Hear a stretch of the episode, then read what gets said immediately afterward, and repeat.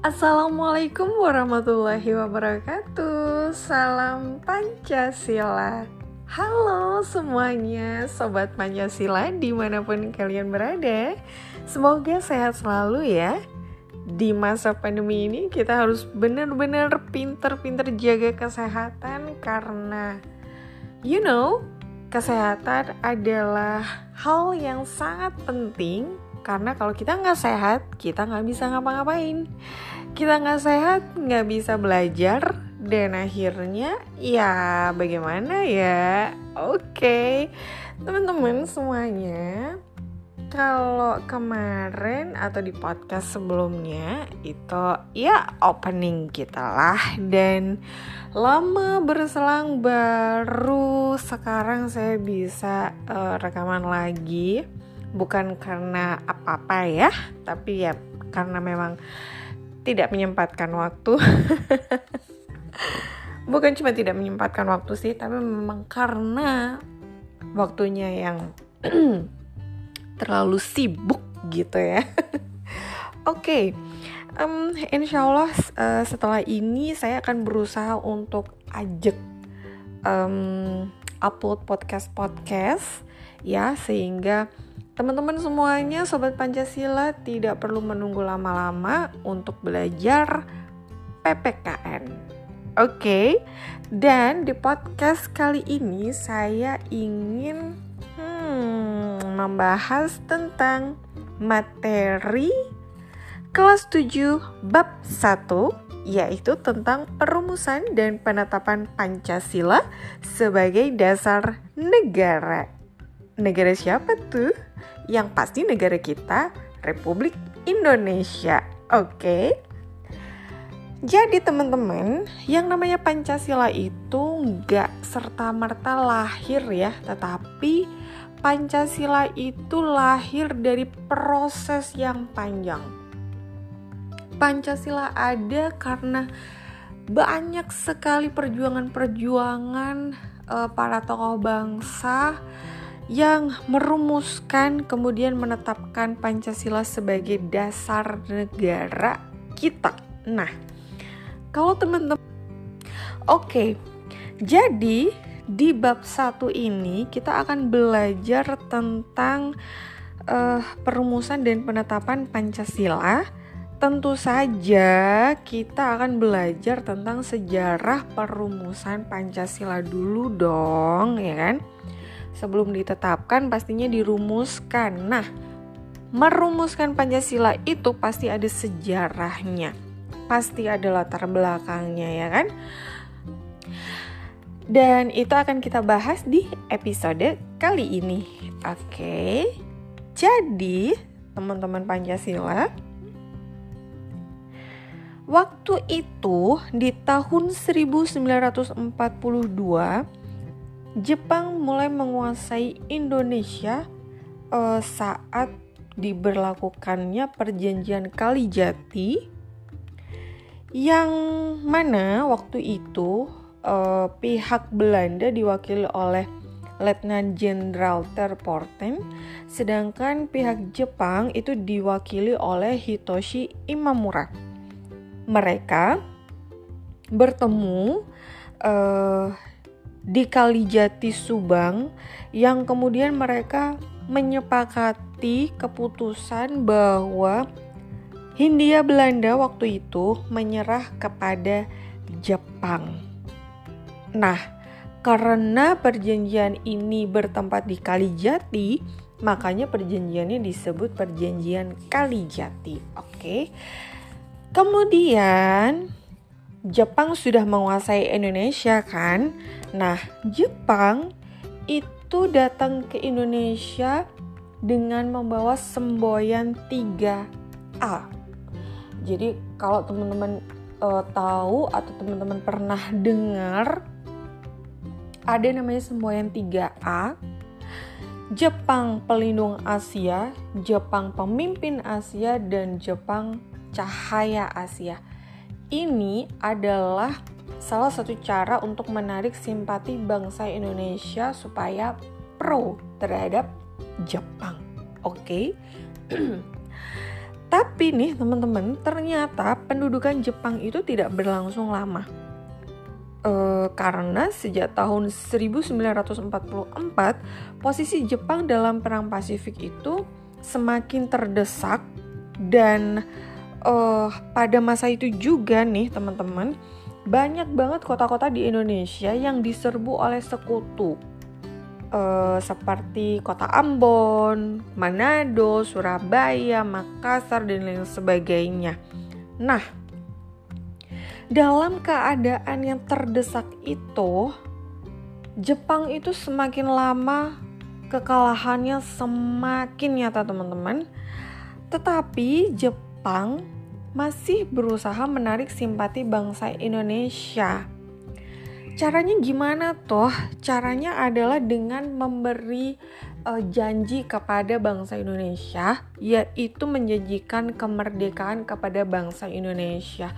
Tujuannya apa sih? Ya pastilah tujuannya adalah supaya bangsa Indonesia itu mau membantu Jepang mengalahkan sekutu. Pinter banget kan ya? Bangsa Indonesia dijanjikan kemerdekaan supaya bangsa Indonesia mau mendukung Jepang buat mengalahkan sekutu. Nih, itu cerdas banget ya kan? Um, dan um, kemudian realisasi janji-janjinya itu Jepang akhirnya membentuk badan penyelidik usaha-usaha persiapan kemerdekaan pada tanggal 1 Maret 1945 atau disebut sebagai Dokuritsu Junbicho Sakai. Oke, kemudian badan penyelidik ini mengadakan sidang resminya sebanyak dua kali, yaitu pada tanggal 29 Mei sampai 1 Juni 1945 yang ini membahas dasar negara teman-teman salah satunya adalah uh, salah satu pembicaranya di situ yang kemudian mengusulkan rumusan dasar negara itu yang uh, yang kita kenal ada tiga ya Mr. Muhammad Yamin, Dr. Supomo dan Insinyur Soekarno. Tiga tokoh ini yang biasanya uh, namanya muncul di buku-buku paket ya tetapi teman-teman ternyata yang mengusulkan dasar negara kita, dasar negara atau yang mengum, yang mengusulkan, aduh belibet banget sih. yang mengusulkan rumusan dasar negara itu bukan hanya mereka bertiga, tetapi banyak sekali tokoh-tokoh lainnya yang juga mengusulkan dasar negara. Tetapi memang uh, yang paling apa ya yang paling um, mungkin yang paling lengkap ya itu atau yang paling mewakili semuanya itu adalah tiga orang tersebut Mr. Muhammad Yamin uh, Supomo dan juga Insinyur Soekarno oke okay.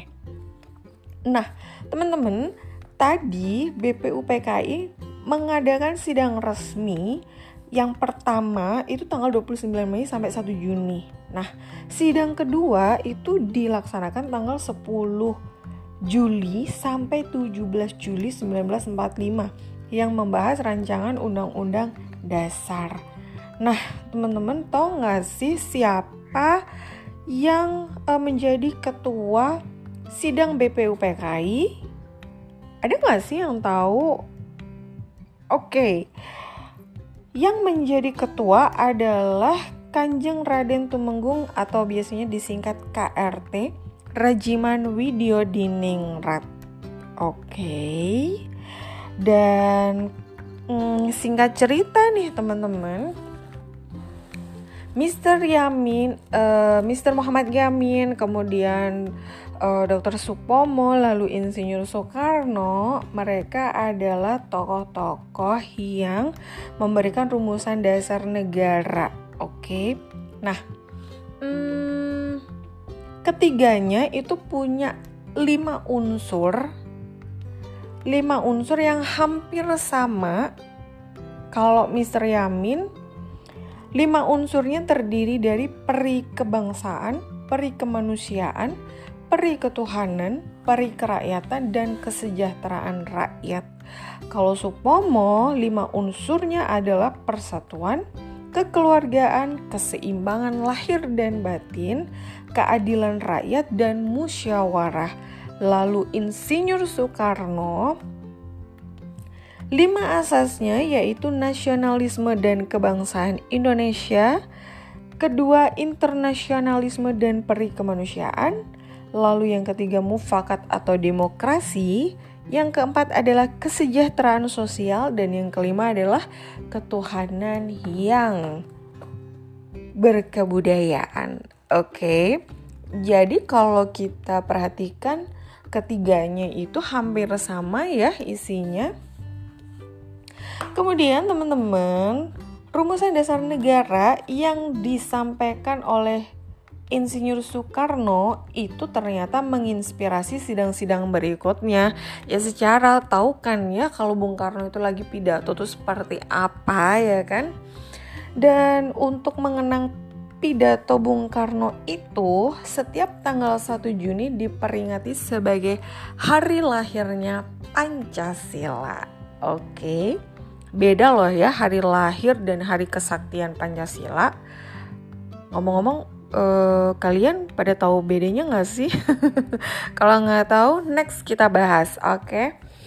Dan teman-teman, pada akhir sidang yang pertama nih, ternyata Ketua BPUPKI itu membentuk panitia kecil yang bertugas untuk mengumpulkan usulan para anggota dan panitia itu terdiri dari 9 orang atau yang biasanya kita kenal sebagai panitia 9 ketuanya adalah Bung Karno dan pada tanggal 22 Juni panitia 9 itu mencapai kesepakatan mengenai rancangan pembukaan hukum dasar atau rancangan pembukaan undang-undang dasar yang sekarang kita kenal sebagai ya pembukaan undang-undang dasar sih. Dulu mungkin dikenal sebagai preambul atau um, muka mukadimah pernah atau piagam Jakarta. Nah, itu itu adalah hasil kerja dari panitia 9. Oke, dan uh, setelah sidang yang pertama, BPUPK kemudian melaksanakan sidang kedua pada tanggal 10 sampai 17 Juli 1945 dan dalam sidang kedua ini teman-teman ada tiga kepanitiaan yang dibentuk oleh BPU PKI yaitu panitia hukum dasar yang membahas tentang hukum dasar negara kita lalu panitia ekonomi yang membahas tentang ya perekonomian bangsa tentu saja ya kemudian panitia bela negara um, nanti kita bahas di episode berikutnya oke okay? Kemudian nih teman-teman, hmm, ya udah sih itu aja sih perumusan Pancasila ternyata ya. ya itu secara singkat, secara singkat gambarannya sejarah perumusan Pancasila seperti itu. Nanti akan kita uh, bahas lebih detail lagi di segmen berikutnya. Oke, terima kasih sudah mendengarkan podcast hari ini. Tunggu podcast-podcast berikutnya. Wassalamualaikum warahmatullahi wabarakatuh. Salam Pancasila.